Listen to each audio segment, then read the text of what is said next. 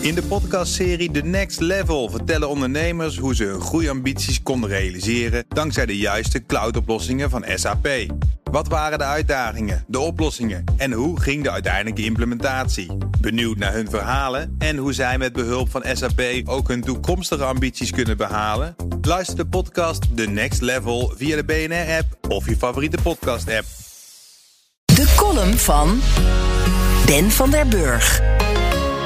Pieter en Kennis had een nare ervaring bij een fysieke winkel. Zijn dochter had een armbandje gepakt om nader te bekijken. En daarop reageerde de medewerkers naar zijn idee bits. Iets met kijken, kijken, niet kopen. De situatie scheen een beetje uit de hand gelopen te zijn en nu was hij boos. Ter genoegdoening had hij een negatieve recensie geschreven op Google en spoorde kennis aan dat ook te doen. Slechte ondernemers moeten kapot, schreef hij.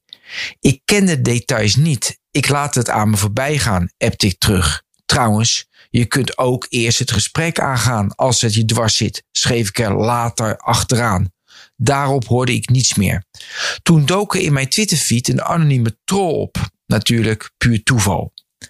De Rijksoverheid bracht deze week trots naar buiten dat ze de consument beter gaat beschermen. Vanaf 2022 komt er een verbod op het plaatsen van valse consumentenbeoordelingen bij webwinkels en digitale platforms. Daarnaast moet bijvoorbeeld duidelijk worden gemaakt of zoekresultaten betaald zijn en of er betaald is voor een hogere plaatsing. En nog een paar maatregelen.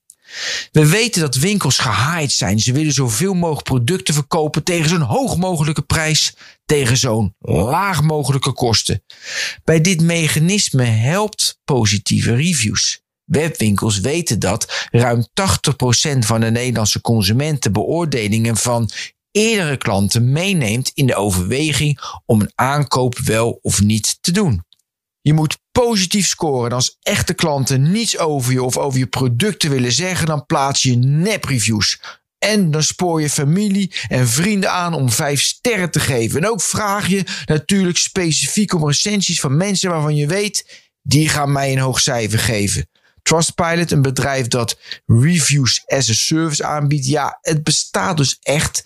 Identificeer dat een kleine 6% van hun reviews nep is. Maar ze vonden natuurlijk niet alles. Uitkomsten van onderzoeken naar de hoeveelheid nepreviews komen uit op percentages van 16 tot ruim 30 procent. Niemand weet het precies. We weten wel dat Amazon vorig jaar volgens eigen zeggen, je weet niet of het waar is, wereldwijd 200 miljoen nepreviews heeft verwijderd.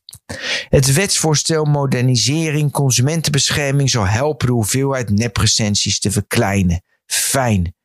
We blijven echter zitten met de van deze wereld. Van die korzelige, narrige, begriploze consumenten die alles aangrijpen om zure recensies te schrijven, om hun eigen verrotte leven af te reageren op hardwerkende ondernemers. Hun recensies zijn weliswaar niet nep, maar voor bedrijven super irritant. Kunnen dat soort mannetjes niet kapot?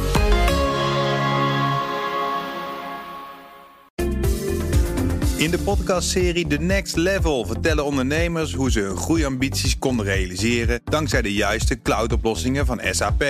Wat waren de uitdagingen, de oplossingen en hoe ging de uiteindelijke implementatie? Benieuwd naar hun verhalen en hoe zij met behulp van SAP ook hun toekomstige ambities kunnen behalen? Luister de podcast The Next Level via de BNR-app of je favoriete podcast-app.